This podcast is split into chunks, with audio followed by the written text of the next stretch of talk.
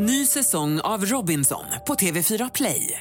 Hetta, storm, hunger. Det har hela tiden varit en kamp. Nu är det blod och tårar. Fan händer just nu. Det. är Detta är inte okej. Robinson 2024, nu fucking kör vi! Streama söndag på TV4 Play. Hej, jag heter Gry Forssell och du lyssnar inte på radiostationen Mix Megapol. I alla fall inte just nu, för du ska ju precis höra ett nytt avsnitt av Mord mot mord. Men först vill ju vi säga hej. Hej, hej, det här är NyhetsJonas. Det här är Carolina Widerström. Och här är Gullige Dansken. Ja, och så Gry då, då. Det vi vill säga är att när du har lyssnat klart på den här podden, då får du gärna lyssna på våran. Vi spelar in ett nytt avsnitt varje morgon av våra podd Kvartsamtal. Och hela radioprogrammet blir ju också en podd om man är väldigt morgontrött eller så. Just det, om man missar morgonen ja. Men mest av allt så får du gärna lyssna på programmet i direktsändning varje morgon på Mix Megapol. Live varje morgon från klockan sex och då har vi med oss massor med vänner också. Thomas Bodström, Babben Larsson, Johan Pettersson, Christian Luuk. Massor med coola människor som bara dyker upp och gör livet bättre. Ja, som jag, Gullige Dansken. Exakt så. Och så mycket bra musik och annat skoj såklart. Så vi hörs när du vaknar på Mix Megapol. Podplay. De festar jättemycket och du vet, de dricker supermycket alkohol eh, och knarkar jättemycket. De typ, eh, jag vet inte vad, jag jag hörde heroin men det känns så sjukt grovt. Men, men, Typ eh, opium. Inte för att jag ska värdera kanske. droger här. Ja, men men de, de, de, de knarkar jättemycket i alla fall. Och sen ägnar de sig också då åt mycket så olika sexuella aktiviteter i olika konstellationer. Alltså du vet, det verkar vara lite så. Eh, man kom Swing it. dit med någon, ja man kom dit med någon och lämnade med någon annan om man säger så. To hell with husbands. Alltså verkligen.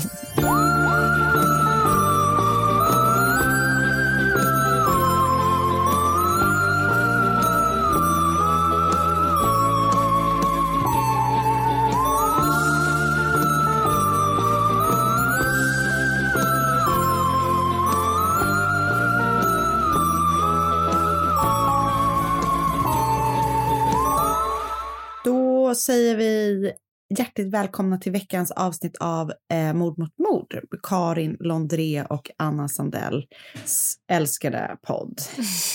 Verkligen. Eh, Välkommen till ännu en stund med oss, era, På jorden. på jorden, era goda, goda vänner. Verkligen. Alltså nu när jag sa den där lale-frasen, Vilken då? Så- Jag har, visste inte det. En stund på jorden. Ah, Okej, Ah, jag är inte... En stund på jorden. typ så. Eh, så måste vi väl, för det var ju någon som här för några veckor sedan skrev att de tyckte att, att det var vårens första dag. Och det var det ju Alltså, inte, konstaterade vi då. ja, och då hade vi rätt. Och då hade vi rätt. Och sen så kom det ju en dag som var lite vårlik, där vi sa så här, damn it, typ. Men jag måste nog säga att jag tycker inte den riktiga vårens första dag har varit här. Nej, jag håller med. Eh, när det blev dåligt väder redan så tänkte jag så här, nu tror jag typ ändå att Anna blir lite nöjd. Alltså missnöjd för att hon vill ha våren, men nöjd för att hon ändå vill ha rätt om att vårens första dag inte har varit än. Exakt, lite så. Du kände precis rätt. och jag höll med om den känslan. Så, men vi hoppas ju att det snart eh, att det står runt knuten om man säger, eller hur? Men nu måste det vara snart, för att Nu idag var det vårdagjämning. Och då tänker man, Och- då är det på gång. Då går, vi, då går vi mot ljusare tider. Det Just är ett steg. Nu ska vi se. vi se. Eh, imorgon sju grader, åtta grader Ja, till nej, och med. precis. Imorgon finns det potential. Japp. Okej, spännande. Eh, om det inte är regn då. Men eh, bara en liten passus så.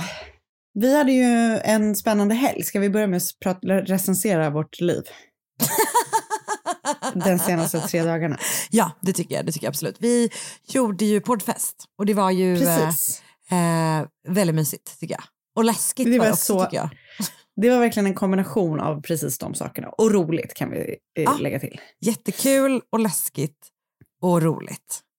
Det var jättemysigt. Och ehm, det var kul. Det var ju, det var ju typ två som hälsade på oss som sa att de lyssnade på vår podd, vilket var Mm. jättemysigt. Mm. Men sen så visade det sig ju i Facebookgruppen att det var ju några fler som var där. Som var där ja. Nej gud ja. Ja. Eh, nu lät det som att det bara var två personer som tittade på oss. Det var det inte. Det var ju fullsatt. Får vi Jag säga. menade mer bara att, Som kom fram. det som, det som gjorde att vi tyckte det var läskigt var ju att eh, det var ju massa andra där som inte hade kommit för, för vår skull. Japp, det var det som var läskigt. Jag håller helt med dig. Exakt. Ja. Ehm, men så var det så tryggt då att känna att det var så här, ja men det var i alla fall, man kände ju, man kände ju ändå stödet. Ja. Och så var det mysigt när några sa, och så nu känns det mysigt att vi vet att det var fler som liksom till och med är vår, med i vår Facebookgrupp Ja, verkligen. eh, som var där och lyssnade. Jag håller med. Och vi kan ju säga det att vi kommer ju släppa det avsnittet lite längre fram tänker vi. Eh, så om man inte var där så behöver man inte oroa sig. Det kommer ett litet specialavsnitt från Podfest längre fram. Men eh, än så länge så får man hålla sig till godo med det här gamla vanliga. Det här gamla köttet. Den här gamla skiten. Nej du Anna. Det var, ju, det var ju faktiskt så vår podd blev presenterad. Ja, Victor Linnér ja. det var kul tycker jag. Och han har inte fel i sak. Alltså det kändes som nu att är det han dags för den här förstod. skiten igen. Hur eh, annars då, utöver att vi gjorde en rolig och läskig och mysig grej i helgen tillsammans? Eh, framförallt så var det väl, det var väl också väldigt mysigt att vi umgicks en hel dag. Hel dag, dag. Ja. Eh, Det, var ju- länge sedan. Det var länge sedan, det var så mysigt. Det var mysigt att du fixade Mm. mitt hår. Det var mysigt. Det, Det var fint. mysigt att det var en flintskallig man som misstog mig för att vara Mua när jag stod och fixade med ditt hår. Det var faktiskt så roligt. Han bara- men också, man bara, trodde han att du skulle typ så, vad heter det? Det var inte en Dyson, men typ hans skägg eller liksom hans öronhår. Vad var det han tänkte du skulle köra loss på? Ja, det var roligt. Det Men, det, jag men precis, vi får ju skylla lite på dels vad jag gjorde och dels min outfit. Jag var typ iklädd träningskläder. Det kändes ju inte som att jag skulle uppträda. Nej, inte just då, men sen var det solklart att det var det du skulle göra.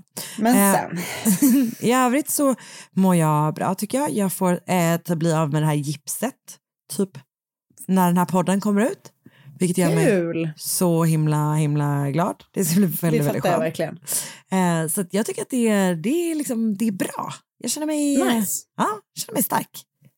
Härligt. Eh, hur mår du? Men jag mår bra. Jag eh, börjar faktiskt känna mig eh, väldigt liksom, gravid. Ja, Eh, och eh, väldigt trött. Så kan jag väl uttrycka det. Jag Utan att trötta någon med det. För det har jag förstått inte är så poppis när man tjatar om hur trött man är. vem, vem, vem, har du förstått, vem har du lärt dig det ifrån? Från folk i min närhet. Eh, nej, jag skojar. Nej, men, eh, jag menar att jag, jag behöver inte vara den där personen som jag var då för fem år sedan när vi startade podden. Som berättade ärligt hur jag mår. Eh, jag, Du har jag lärt dig bättre sedan dess. Exakt. Eh, nej, jag mår bra. Men eh, det, det ska bli... Eh, det, det ska bli... Eh, Det blir väldigt skönt att inte vara gravid längre. Väldigt skönt. Och det är lite för långt kvar för att börja känna så känner jag. Men det, det börjar väl hända nu tänker jag. Snart, jag- snart klassas jag väl som höggravid. Typ. Ja, det gör du. Mm. Och sen så, alltså våren går snabbt. Det kommer gå snabbt, jag lovar dig. Och När vårens första dag väl har kommit så är det då, långt kvar. alltså då kommer det ånga på i en, en otrolig takt. Det kommer, Jag gå, det. det kommer gå fort, jag lovar dig. Bra, tack. Oh, men bli inte arg på mig om det inte stämmer. Nej, precis. Jag tar dig på orden nu så att beware, jag verkligen. vet. Jag vet. Ja. Eh, men du, har du ehm, sett något, hört något? Nej, vi såg färdigt den där serien som jag pratade om i, i förra veckans avsnitt, Defending Jacob. på Ja, just Apple just just. Plus. Eh, och den fortsatte att vara så här riktigt dålig, men ändå riktigt spännande. Alltså jag, var, jag vet inte hur jag ska beskriva det på ett annat sätt, för man, det var verkligen en cliffhanger series. Ah, jag fattar. Men den var eh, ganska dåligt genomförd.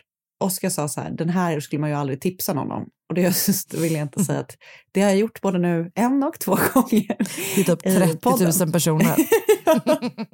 Men jag tycker ändå att det var en spännande historia så att jag kommer slå ett slag för den. ja, bra. Du då? Eh, ja, men jag har sett den här ehm, The Vatican Girl på Netflix. Oh! Vet du, jag hade bestämt att jag skulle göra det fallet precis den dagen Nej. det typ släpptes då Nej. för ett halvår sedan. Ja. Men, alltså, det, men jag ska säga så här. Hur var den? Jag har fortfarande inte sett den för att jag blev arg på Jätte, Netflix. jättebra, men, jag kan, men du kan typ göra den ändå för att jag har varit så himla himla trött. Så att jag har liksom sovit ganska mycket. Alltså, du, okej, perfekt. Alltså det är inte, det är inte seriens fel, den är jätte, jättebra och fallet är väldigt spännande och jättekonstigt och frustrerande och sorgligt och verkligen så här twists and turns och it goes all the way to the top, to the pope. Alltså du vet, det är liksom verkligen Ja. så här. Ja. Ja, det vet ju du då eftersom du redan har. Ja. Men, eh, men eh, jag har varit så, som sagt, väldigt, väldigt trött. Så att eh, du, feel free, säger jag. Det, det kanske jag gör då. Men jag kan- men jag kan verkligen- Framförallt om vi låter tid passera. Var det en bra serie? Väldigt bra serie, men då kanske vi också ska säga att vi inte rekommenderade folk att se den serien utan att de kan lyssna på dig när du är fallet istället. Ja, Mm, bra. bra, Karin. Mm. Eh, med det sagt eller? Två antitips den här veckan helt enkelt. Verkligen. Vi, vi testar en ny grej som är liksom lite så eh, baklänges middag. Ny säsong av Robinson på TV4 Play. Hetta, storm, hunger. Det har hela tiden varit en kamp. Nu är det blod och tårar. Fan händer just nu. Det. är Detta är inte okej. Robinson 2024, nu fucking kör vi! Streama söndag på TV4 Play. Ett poddtips från Podplay. I fallen jag aldrig glömmer djupdyker Hasse Aro i arbetet bakom några av Sveriges mest uppseendeväckande brottsutredningar. Går vi in med hemlig telefonavlyssning och, och då upplever vi att vi får en total förändring av hans beteende. Vad är det som händer nu? Vem är det som läcker? Och så säger han att jag är kriminell, jag har varit kriminell i hela mitt liv men att mörda ett barn, där går min gräns. Nya säsongen av Fallen jag aldrig glömmer på Podplay.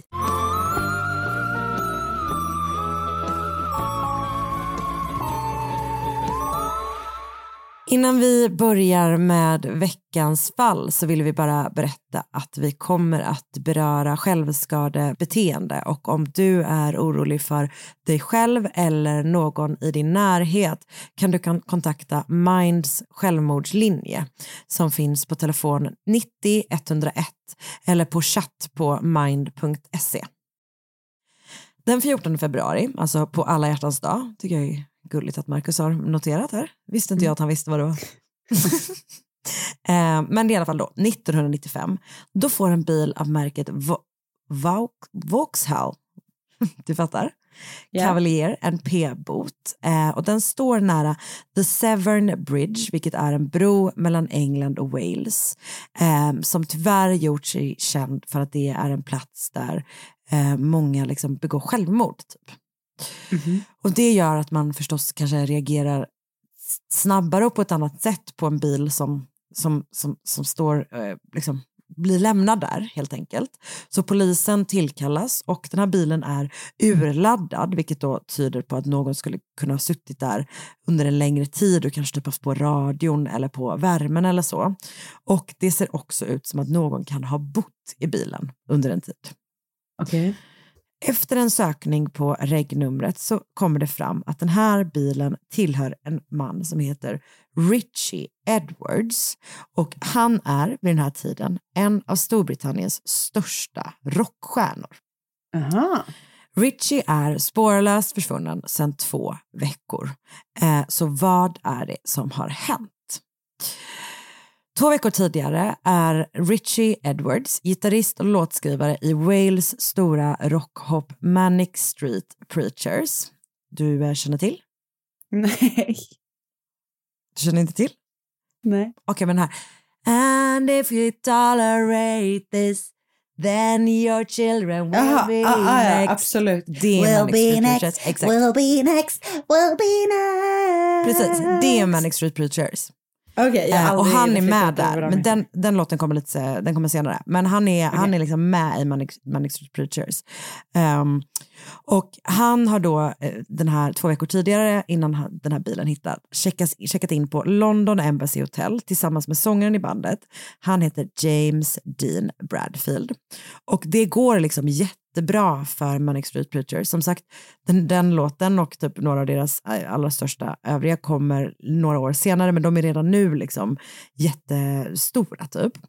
Eh, De har liksom, de senaste åren har varit sådär tumultartade av, du vet, så här, hyllade skivor och intensiva turnéer och sådär. Så tidigt nästa morgon, den första februari 95, ska de två flyga till USA på en promotion-turné för sitt senaste album Holy Bible. Klockan 20.30 så knackar James Dean Bradfield på Richie Edwards dörr. Han bor i rum 561 och frågar om han vill hänga med ut på stan.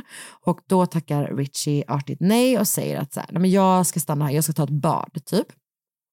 Och James tänker inte mer på det, ehm, också för att Richie den senaste tiden liksom dragit sig undan allt mer från övriga bandmedlemmar. Ehm, Mm. Och också för att Richie har precis kommit ut från rehab för sitt alkoholmissbruk. Så att han är så här, ja det är väl kanske inte så konstigt om han, om han inte följer med. Typ. Nej. Senare samma kväll ringer Richie sin mamma hemma i Wales och småpratar lite och han säger att han verkligen inte ser fram emot den här stundande promotion-turnén. Richie har visserligen, alltså sen han var liten, sagt att så här, jag kommer bli känd typ. Men nu när han är det så vantrivs han liksom med kändisskapet. Men samtidigt så säger han eh, att han, så här, han vet att det här är en del av hans jobb som liksom han måste göra. Typ. Och mor och son lägger på och det är det sista någon i hans familj kommer att höra från honom. För dagen efter så inser först den då bakfulla sångaren James Dean Bradfield att hans kollega Richie inte är på sitt rum. Och efter det så går liksom djungeltrumman. Så managementet kontaktar skivbolaget som kontaktar Richies kompisar som kontaktar familjen men ingen har då sett ett spår av honom. Polisen blir inkopplad men ser liksom inte särskilt allvarligt på saken. Eh, folk försvinner hela tiden. De tänker kanske så här att det här verkar ju vara typ en bortskämd rockstjärna som inte orkar åka på den här jobbiga turnén i USA. Alltså lite så tänker man. Ja, ja. Mm. Och man tänker också så här, det har inte begåtts något brott liksom. Ehm, och när de liksom börjar kolla tillbaka på Richies bakgrund så tänker nog säkert polisen också att här, han har nog försvunnit av egen fri vilja. Ehm, lite om hans bakgrund då. Han föds, Richard James Edwards, föds eh, 1967 i Blackwood och det är typ en liten så här, håla i Wales. Liksom. Och under 70-talet så är den ekonomiska krisen stor i hela Storbritannien. Arbetslösheten är skyhög och i den här avkroken i Wales som han växer upp i finns liksom, det finns inte så mycket att göra. Men det känns som man har sett det här på film. Förstår du vad jag menar? Att det är liksom den här typen av så här, brittisk arbetarklass på 70-talet. Typ.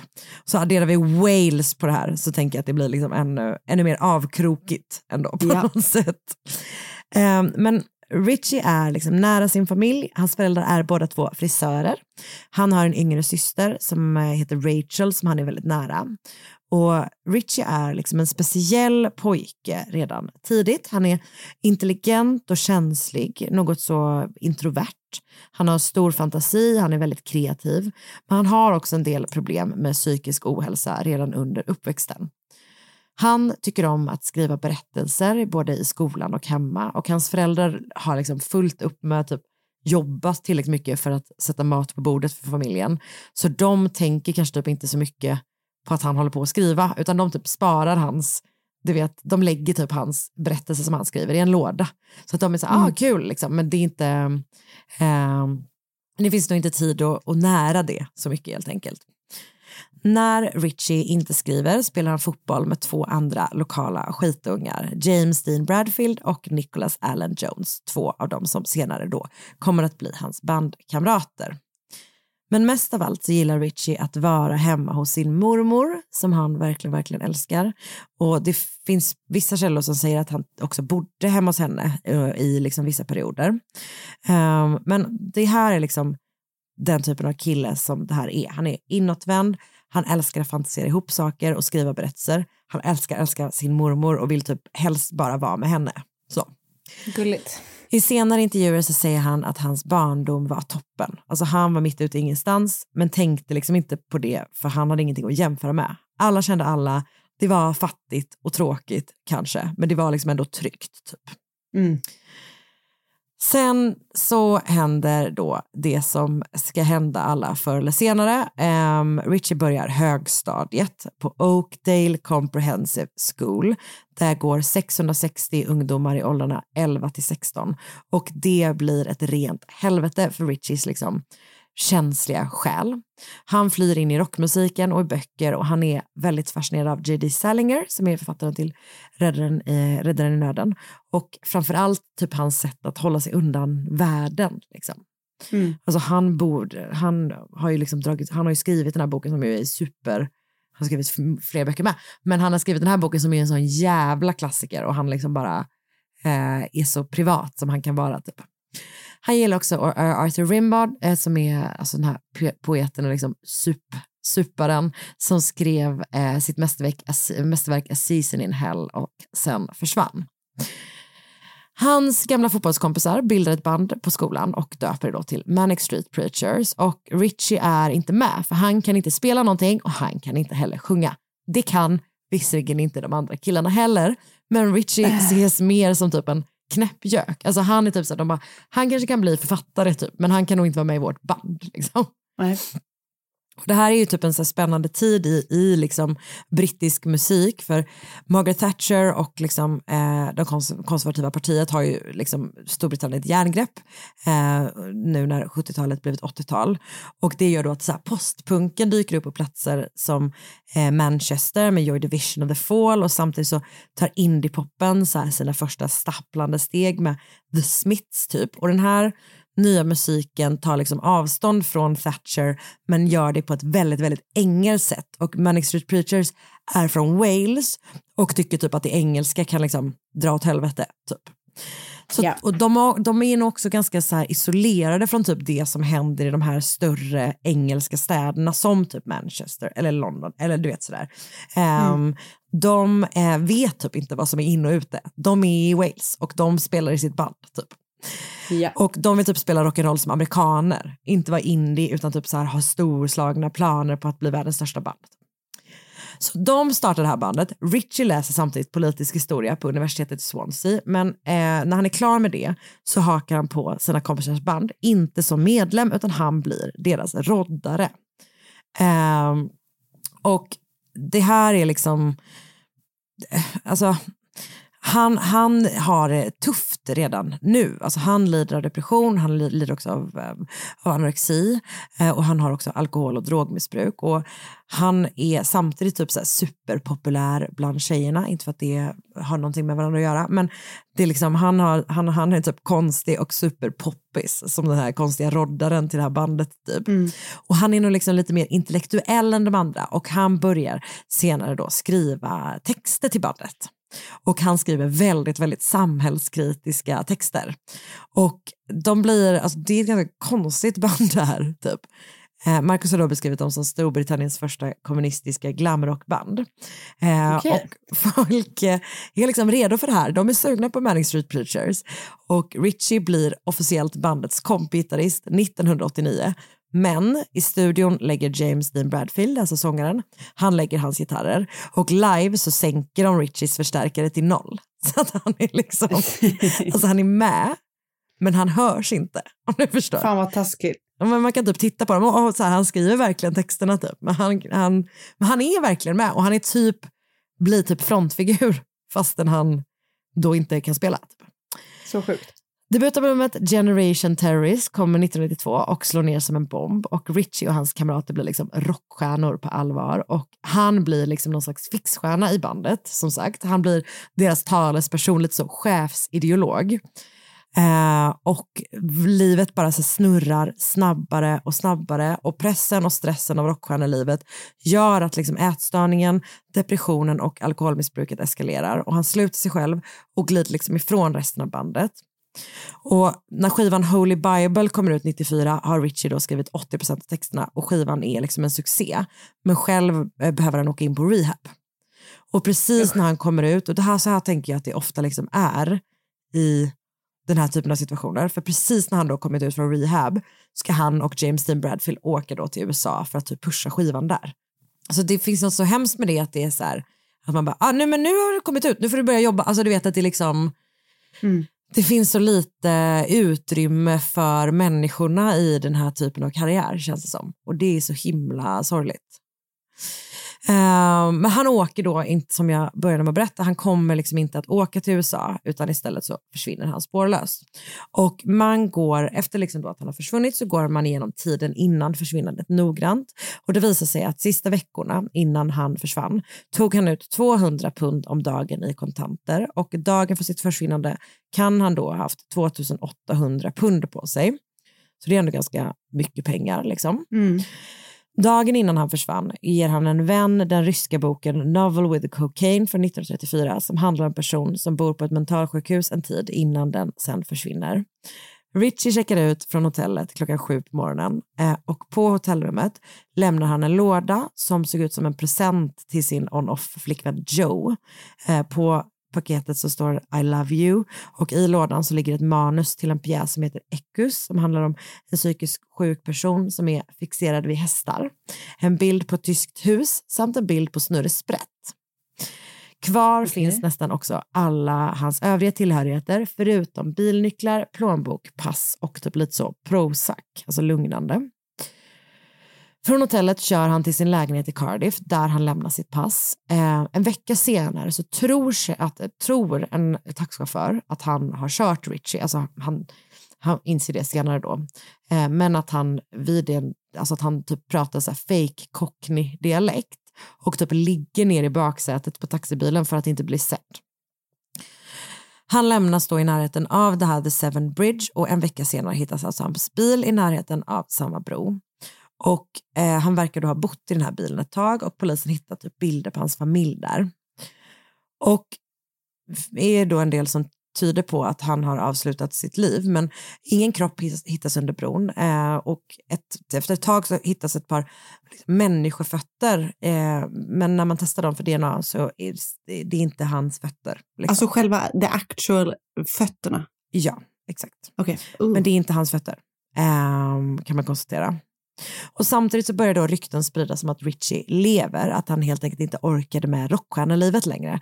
Folk säger sig ha sett honom i Goa, Indien, även på Kanarieöarna. Där blir han liksom sedd flera gånger. Eh, men inga riktiga spår dyker upp åren som kommer. Och samtidigt kör då Manic Street Preachers på och med Richie borta så gör de en pop poppigare och inte lika deppig och allvarlig skiva och blir Storbritanniens absolut största band runt åren 97-98 och toppar då Englandslistan. Och det är väl ungefär då som den här eh, If you tolerate this then your children will be next kommer 98. Liksom. Vilket man ju inte minns från när man var liten att alltså, på MTV. Liksom. Um, och samtidigt fortsätter hans familj med lilla syster Rachel i spetsen leta efter honom och se till att hans fall får stor uppmärksamhet i många år. 2008 så dödförklaras Richie, men det finns liksom lösa trådar som man inte gått till botten med. 2016 mm. ska Rachel tillsammans med författare skriva en bok om sin bror och under researchprocessen får man reda på att Richie fick en kompis på rehab precis innan sitt försvinnande. Och den här kompisen skulle resa till Israel och det hade typ Richie pratat jättemycket om med flera olika personer om att han skulle vilja åka till Israel. Typ. Att han hade mhm. typ så här också, jag tror tatuerat inåt på hebreisk, alltså han hade liksom en, eh, ja. ja. han hade någon slags dragning dit helt enkelt. Mm. Och när medförfattaren är och klipper sig i Cardiff 2016 så berättar den för frisören om, om den här boken då som han håller på att skriva. Och då säger frisören, he's in a kibbutz in Israel, everybody knows. Så det finns liksom rykten som pekar just uh. på Israel. Typ. Dessutom så finns det vittnen som säger att Richie hade besök sin sista natt på hotellet av en kvinna som heter Vivian och att han då ska ha bett henne ta hans pass eftersom han inte behöver det mer. Men den här Vivian hittar man sen inte heller. Liksom. Så det finns massa oklarheter kring det här försvinnandet och vad som hände Richie Edwards kommer vi kanske aldrig få reda på.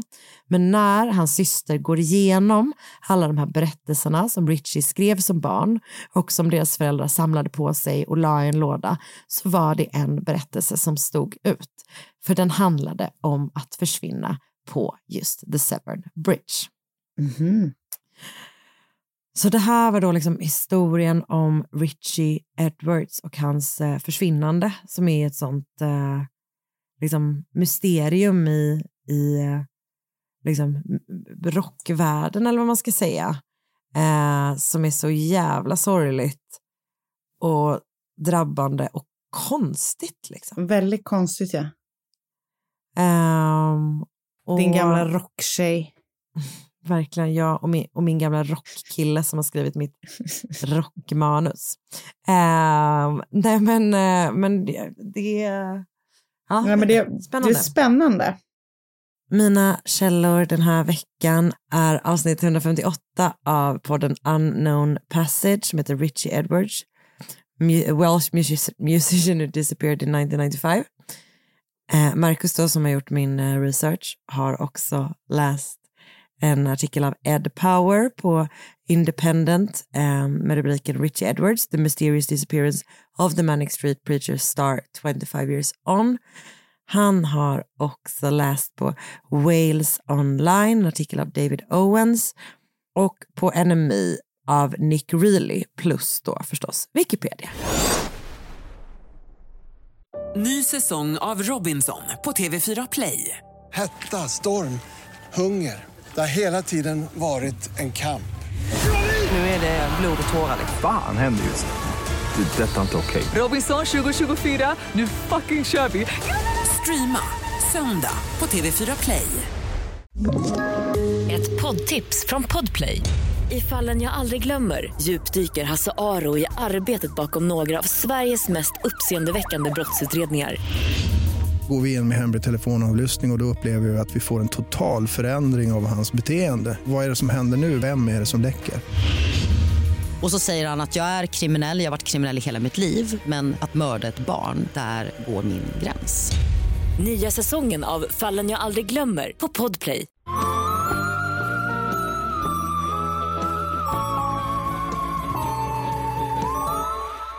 I maj 1901 föddes den person som skulle bli den 22 greven av Errol, familj, alltså Earl of Errol i Skottland. Och han döptes till Jocelyn Victor Hay. Och han då, hans pappa var då den 21 greven av Errol. Och eh, det här är liksom eh, gräddan av gräddan i den engelska överklassen. Du vet, är full av historia. Eh, de Alltså, det är Downton nära- Abbey. Alltså det är verkligen, verkligen, verkligen Downton Abbey. Ja. Och ehm, de har ju då hela det här liksom, ehm, hela den här eh, liksom perfekta adliga bakgrunden, men de verkar inte ha särskilt gott om pengar. Vilket också Mm. känns, jag har inte sett Downton Abbey, men det känns Inte jag som att- heller. Nej, Okej, då, ska, då ska jag inte spekulera. Men då säger jag så här, det känns som en sån typisk grej, typ att så här, riktigt gamla så här, fina överklassfamiljer de har typ, pengar. har jättedåligt med pengar så att de typ har inte råd att betala värmen. Du vet, så. Nej, nej, jag, tror inte att det är, jag tror inte att det riktigt är så illa. Och det, det, men, men de här, liksom, det är mest att de är fina snarare än att de är väldigt rika, om du fattar vad jag menar. Ja. Eh, Men trots det då såg man till att Jocelyn fick gå på den finaste och bästa skolorna. Han fick den bästa utbildningen man kunde tänka sig. 1914 så började han på Eton då, som är ju en, den typ absolut finaste pojkskolan i England. Det är som typ Eh, kung, alltså prinsarna Ja, precis. går. Prinsarna går där. Alltså det är verkligen så Ja. jätteposh. Eh, så. Eh, han skötte sig inte så bra där utan eh, efter två år så blev han relegerad därifrån och han verkar liksom helt enkelt ha varit en ganska stökig överklass-snubbe, du vet. Mm. För att jag läste någonstans också om att så här, det kanske inte nödvändigtvis var så att hela familjen Hay då hade ont om pengar, utan det kanske var så att man höll Jocelyn väldigt kort på hans eh, eh, liksom underhåll för att han var, han var helt enkelt inte särskilt ordentlig, varken Nej. med skolgång eller med pengar. Så.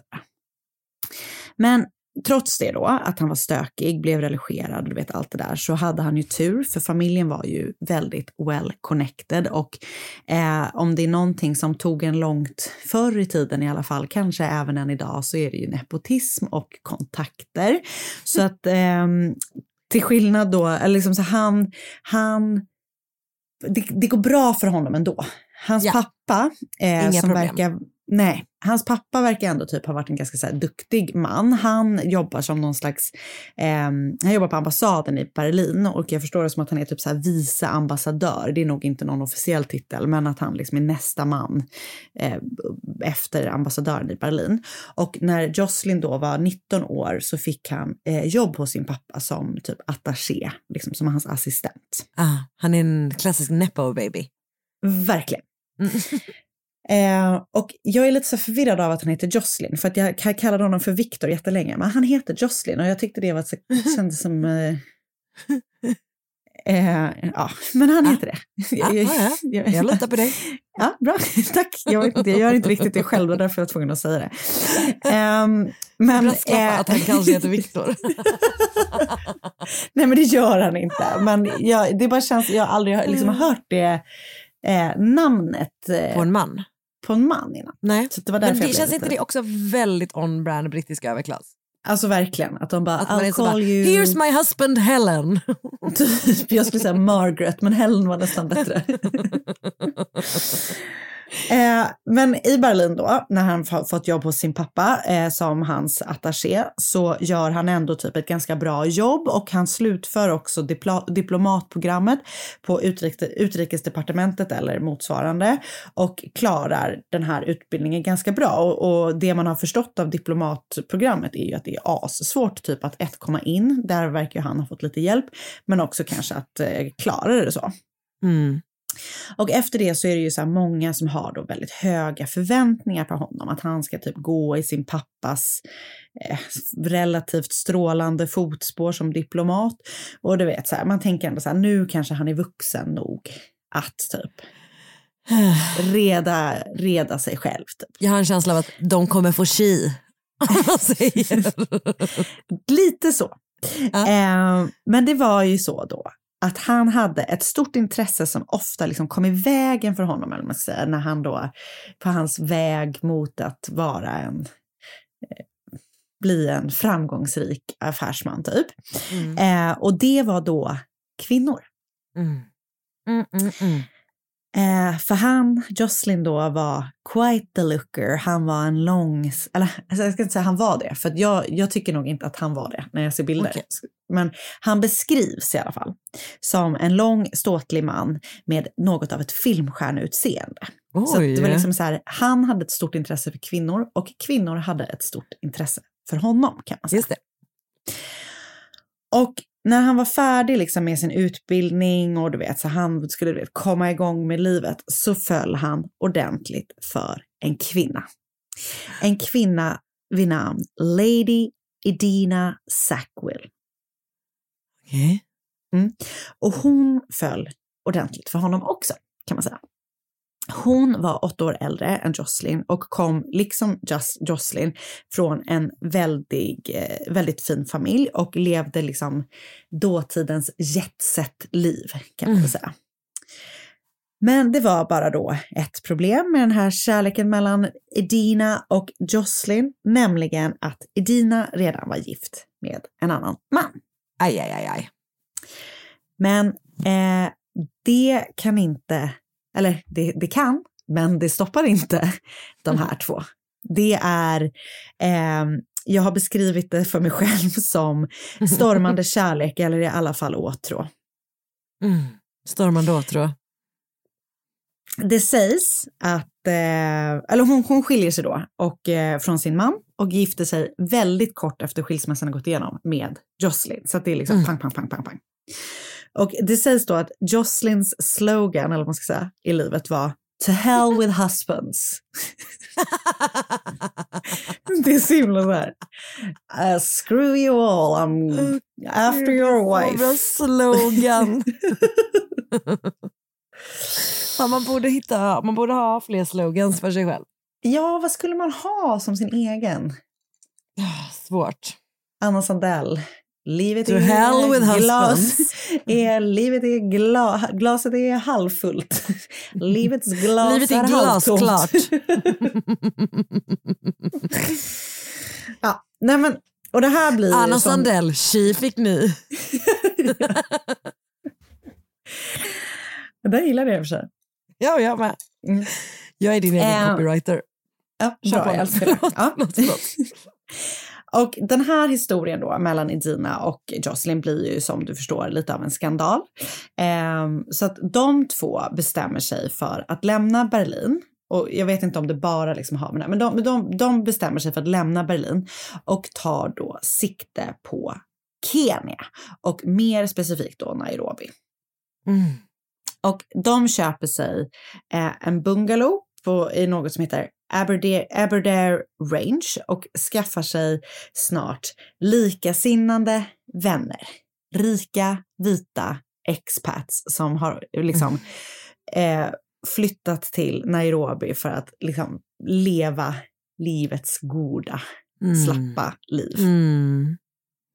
Där har de det Och- gott. Ja, och den här vängruppen, eller vad man ska kalla det för, de kallas för, eller kallar sig själva, jag tror mer att det kallas, jag tror mer att de kommer kallas för det, för The Happy Valley Set. Och de är då alla så här, ja, men rika och bortskämda och kommer från fina familjer eh, i England eller liksom Storbritannien, eh, precis som Jocelyn och Edina. Och den här gruppen blir liksom känd, eller kanske snarare ökänd för att leva ett extremt så här, extravagant liv typ. De gör, eh, de festar jättemycket och du vet, de dricker supermycket alkohol eh, och knarkar jättemycket. De typ, eh, jag vet inte vad, jag, jag hörde heroin men det känns så sjukt grovt. Men, men, typ ehm, opium. inte för att jag ska värdera droger. Ja, men, ja, det här är på 1920-talet. Fanns kokain då? Jag vet inte. Jag kan för lite Det känns som att det verkligen breakade på 20-talet. Jag har ingen aning. så. Ja, men- så Great Gatsby. Ja, men precis. För det här, jag tänker att det här är typ så, precis så, fast liksom. Ja. Ja. Nu är det ju bara Så- att du och jag gissar om knark som vanligt. Jag vet. eh, men de, de, de, de knarkar jättemycket i alla fall. Och sen ägnar de sig också då åt mycket så olika sexuella aktiviteter i olika konstellationer. Alltså du vet, det verkar vara lite så. Eh, man Swing kom it. dit med någon, ja man kom dit med någon och lämnar med någon annan om man Mm. säger så. Mm. Ehm, To hell with husbands. Alltså verkligen. Och, och, och du vet, de hänger på någon så här country club där alla är och där typ festar de, liksom, typ, de har så sönder saker och sen så kommer de dagen efter och typ så här, köper sig fria. Bara, Förlåt att jag typ hade sönder eh, den här eh, fönsterväggen, typ, här är pengar. Och du vet, de typ har så här, det är någon som har en lejonunge som husdjur. Alltså de verkligen lever Åh, ett så här, de, de, de verkar vara vedervärdiga att vara nära, typ så. Ja. Och liksom, de tycker det är toppen för alla som tycker att det är toppen säga, i den här gruppen då. Men det är ju inte bara fun and games såklart, för det är ju inte gratis att eh, upprätthålla en sån här livsstil såklart. Och även om då Jocelyn vid den här eh, tidpunkten, som är 1928, hade ärvt sin pappas titel och då blivit Lord Errol eh, den 22, eh, så hade han ju då inte någon, inga större förmögenheter så här, att liksom spendera, utan han förlitade sig helt och hållet på Edina som hade i sig själv väldigt gott om pengar. Så det han gjorde helt enkelt var eh, att han tog pengar av henne. Både med och utan hennes vetskap. Så rent krasst kan man väl säga att han, Han stal pengar från sin fru för att liksom finansiera den här väldigt extravaganta livsstilen. Perfekt. Och eh, liksom, de gör ju, eller de lever ju liksom väldigt utsvävande då och har olika partners, liksom så här, eller du vet, har ihop det med andra och är otrogna och sådär. Och det verkar inte störa Edina, liksom, för att det, det verkar som att de typ lever i en helt så här, öppen relation. Men när hon får reda på då vad han höll på med med hennes pengar så blir hon skitarg såklart. Och bestämmer sig då för att begära ut skilsmässa och så skiljer de sig och du vet så, hej då. Mm. Kort därefter så gifter Jocelyn om sig. Jag ska också säga att Edina var gift eh, totalt fem eller sex gånger under sin livstid. Så att hon Mm. verkar inte ha hängt läpp så mycket för... Hon gick vidare. Hon gick vidare. Och det gjorde då även Jocelyn. För att han gifte om sig med en kvinna som hette Edith Maud Ramsey Hill och hon kallades för Molly. Och hon då anpassade sig också väldigt snabbt till livet som gift med Jocelyn och blev då en del av den här eh, The Happy Valley Set Group. Så att liksom de bara fortsätter att leva, du vet det här jätteskumma livet typ. Mm. Eh, och ehm, de festar, dricker, tar droger, ligger runt med sina kompisar. Och trots den här liksom, väldigt utsvävande livsstilen, måste man väl ändå kalla det. Jag vet inte om det är bara jag som är sjukt pryd. Ehm, Alltså, jag, det påminner alltså- lite om hur ni lever ert liv faktiskt nu när jag tänker efter. jag och Marcus, enligt Ja. vår Flashback-tråd. Ja.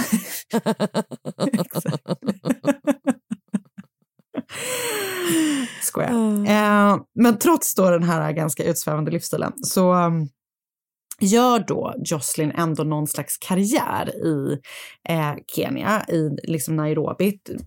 Eh, och både politiskt, för det som jag tror att han är då, är att han är någon slags kommunfullmäktige i den här kommunen där de bor. Eh, och som sen då när eh, andra världskriget inleddes så gjorde han också någon slags av karriär inom liksom militären. Även Mm. fast de verk, verkar ha levt otroligt skyddat från eh, kriget jämfört med andra personer som var kvar i Storbritannien så fick han då, han blev typ militärattaché eller någonting liknande i Kenya. 1939 då, bara nio år efter att eh, Molly och eh, Jocelyn har gift sig, så avled Molly, troligtvis i sviterna av grav al- alkoholism och då även missbruk av droger. Ehm, men med sin, eller sin historia trogen då så träffar ju han Jocelyn snabbt en annan eh, kvinna. Mm. Diana Delamere, också känd som Lady Broughton. Hon var liksom Jocelyns första fru, Edina, gift med en annan man. Hon var gift med den 30 år äldre Lord Broughton som eh, hade liksom, hon hade varit hans älskarinna i massa, massa år innan han då till slut lämnade sin fru som han varit gift med i typ 30 år och lämnade då eh, liksom hela sitt liv och allt för den här Diana då. Och de flyttade efter att han hade lämnat familj och fru och allting till Nairobi. Alltså, Nairobi fick verkligen det Skra- bottenskrapet. sämsta gänget. Verkligen så.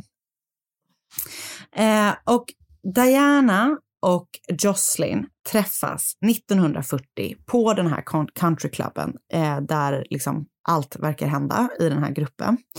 Eh, och det, det, det känns så himla talande för den här tiden i den här samhällsklassen. Också typ att de befinner sig i, här, i Nairobi. Jag kan tänka mig att det är så sjukt kolonialt. Alltså, det bara känns så himla Ja, ja, så ja. här, hemskt när man tänker tillbaka på hur vidriga de är. Alltså, Jag så typ så invandrarman till Kenya och är där och typ beter sig som assholes mot Exakt. dem som, alltså ja, nej. För jag har lyssnat på eh, en jättebra, eh, eller en jätte, liksom, fyllig podd, tre avsnitt om den här gruppen, The Happy Valleyset.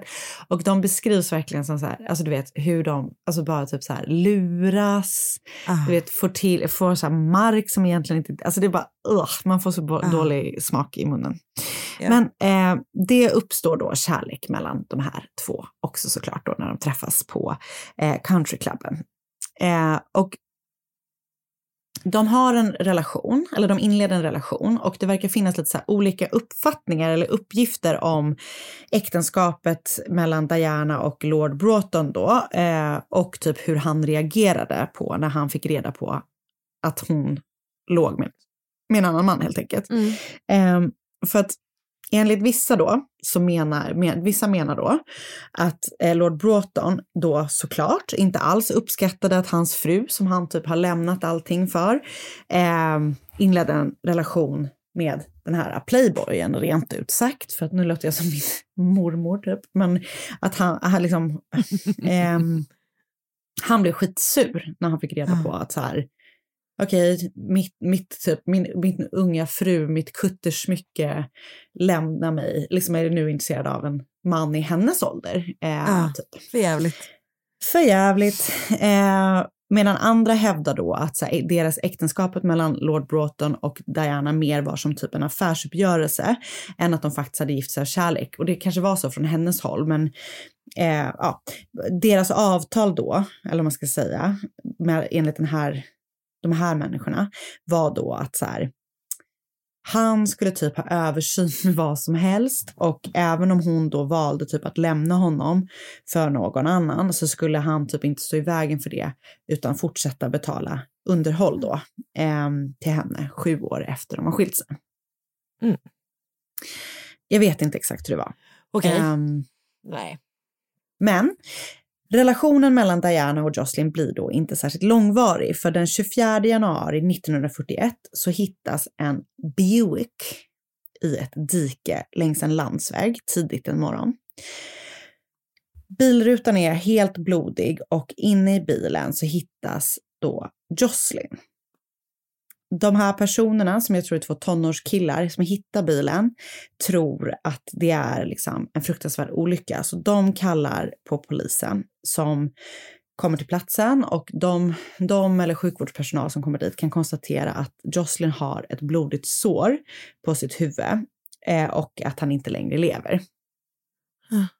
Det är först timmar efter att bilen har hittats som han till slut liksom lyfts ut ur bilen och tas med till bårhuset där han då tvättas och du vet sådär.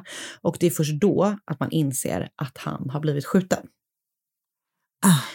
Han har liksom blivit skjuten i huvudet och har typ ett utgångshål bakom örat. Så att det har liksom suttit, man har typ inte riktigt kunnat tyda vad det är för någonting på något vis. Mm.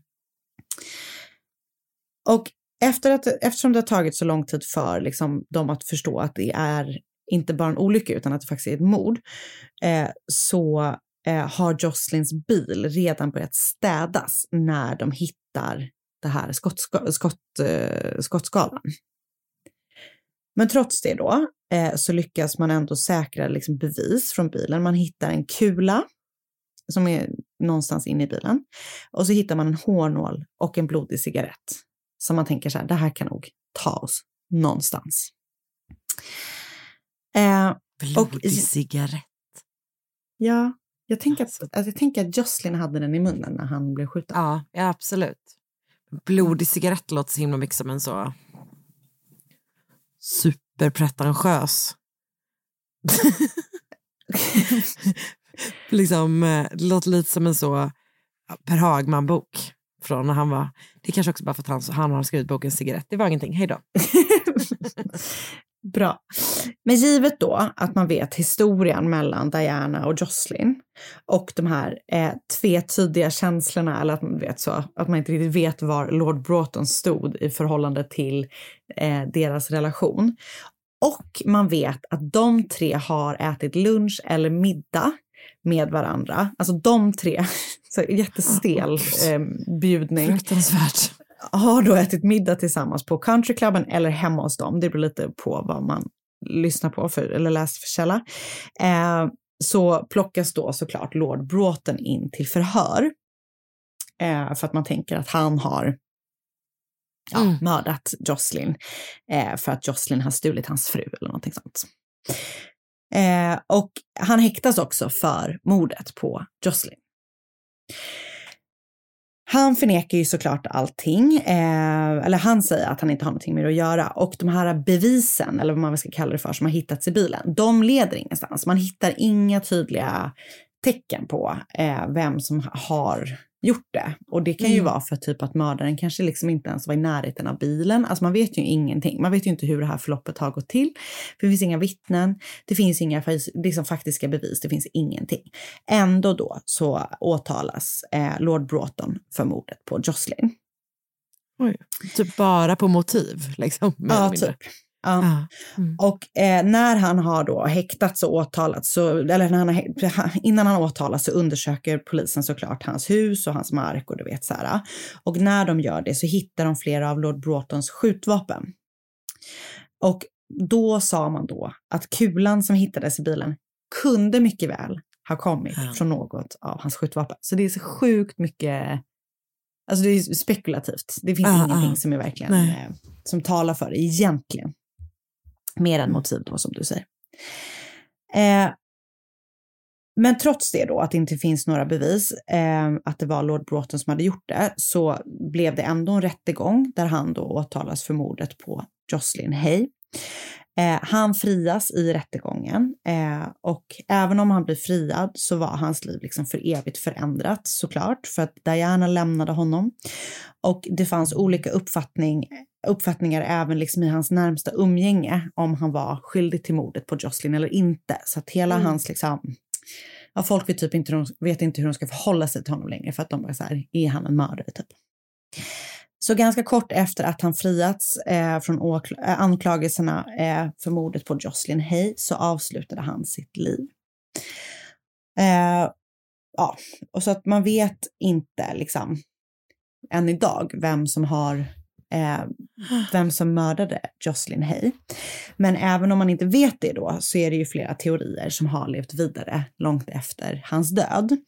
Och den första är ju då såklart att Lord Broughton skulle ha blivit förblindad av avundsjuka och mördat sin frus älskare när han insåg att hon skulle lämna honom.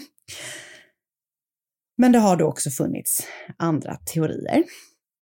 Och dels finns det ju då en teori som säger att det inte var Lord Broughton utan Lady Broughton, alltså Diana, som mördade Jocelyn.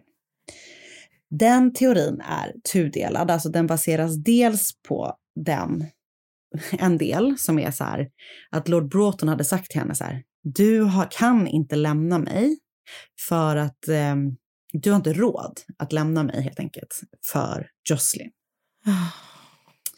Eh, och jag vet inte riktigt varför, den varför det skulle, varför det skulle liksom leda till att hon Mördade honom. honom. Nej. Men den andra liksom, grenen av teorin att Diana var den som mördade Jocelyn grundade sig i att Diana hade en relation med en kvinna vid namn June Carberry. Och June var eh, Dianas bästa vän och hon hade också Mm. ett alibi för Diana den natten då mordet begicks. Ja. Eh, så liksom, den här teorin är då typ att de två hade bestämt sig för att mörda Jocelyn eftersom de visste att Lord Broughton skulle bli eh, misstänkt och eh, åka dit typ för Ah, mordet. och honom att de, liksom. Ja, och, och då att Diana typ skulle få Lord Broughtons pengar och att de sen skulle kunna typ elopa och leva lyckliga ever after. Mm. Dels fanns det de som trodde då att det var en av Jocelyns tidigare älskarinnor som inte har varit omnämnd i den här historien och som är namn Alice som mördade honom. För hon hade tydligen haft en historia med ett speciellt våld förknippat till kärlek bakom sig. För hon hade nämligen skjutit en annan man som hon haft en relation med tidigare på garde, alltså på någon, om det var ja, någon, någon gar i, I eh, Paris. I Paris. Ja. Någon av tågstationerna. Exakt. Och eh, efter att hon hade skjutit den här mannen hade hon också skjutit sig själv. Eh, båda två överlevde de här, eh, liksom, eh, det, det, det, det, de skotten. Men eh, det sades då, eller teorin var då att hon har mördat honom för att hon typ inte ville att någon annan skulle ha honom om inte hon fick det. Och eh, det som liksom stärkte den här teorin inom stora sådana här air quotes var då att hon avslutade också sitt egna liv ett drygt halvår efter att Jocelyn mördades. Eh, vissa menade då att det var ett, tecken på att hon skulle ha varit skyldig. Eh, Mm. Andra trodde, och det här Ja, här kommer liksom teorier som jag själv tycker är lite spännande, då, som jag inte tror stämmer ändå. Men som du som jag ändå kommer köra på. Ehm, andra trodde att det var MI6 på order av Winston Churchill som mördat honom. Och det var då för att Jocelyn tydligen var väldigt fascinerad av fascismen. Och eh, de som då stod bakom den här teorin eh, menade då att han ansågs vara eh, liksom en säkerhetsrisk på grund av hans liksom, täta koppling eller fascination för, till fascismen. Mm, så han kunde göra en liten sån na, na, nassekupp i the British establishment. Typ. Och en annan liksom del av den här, eh, det var en, en, en myndighet, så kul. Att det var, liksom, det var en stat som dödade honom var då att han var dubbelagent för eh, eh, nazisterna. Ah. Det finns lite liksom gott och blandat, men man vet ju inte varför han Nej. blev mördad. Men det känns väl ändå som att någon... Det var han inte- det verkar De inte höll vara ju på med skit. han höll på med skit och det känns inte som att det var en jättestabil stabil närvaro om, eh, om vad säger man, stabil Nej, om- eh, nej, värld Umgänge liksom. Nej. nej, precis.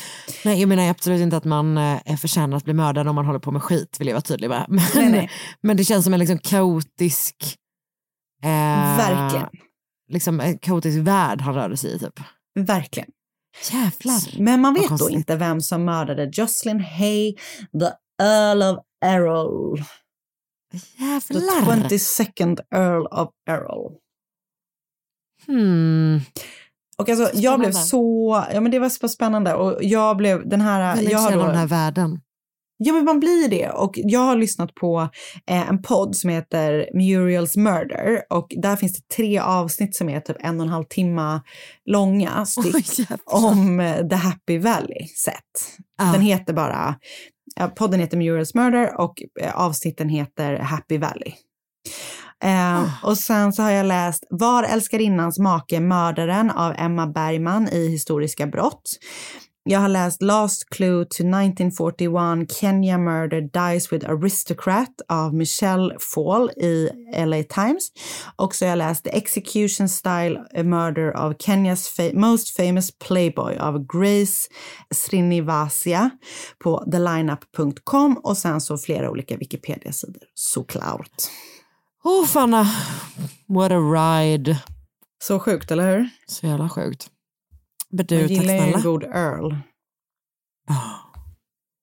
Great. Jävla ah, konstigt liv alltså. Så Ja, skumt. nu flyttar jag till Nairobi och eh, äger ett lejon. Ja, men det är, ju, alltså, det är ju för väl att det inte är så länge. Det känns ju som att det var så vanligt förr i tiden. Det känns typ som att det fortfarande är så. Kanske lite. Att men det kommer en massa white li- assholes. Jag och- vet, men kanske inte lika stor utsträckning. Nej, nu är de bara nere och Hoppas jag. skjuter saker. Ja, det är fan hemskt också. Mm. Nej, Nej, nog om oss, Nog om nog om det. nog om det. Eh, vi hörs igen nästa vecka. Det gör vi. Tack för den här veckan och tack för alla ni som lyssnade. Och vi har det bra, hörni. Ha det toppen, tycker jag. Hej då! Och så, hej då!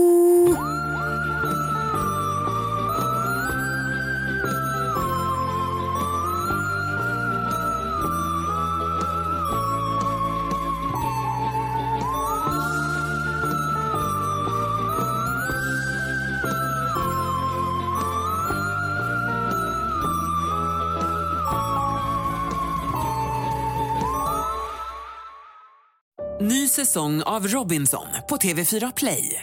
Hetta, storm, hunger. Det har hela tiden varit en kamp. Nu är det blod och tårar. Fan händer just nu. Det. är Detta är inte okej. Robinson 2024, nu fucking kör vi!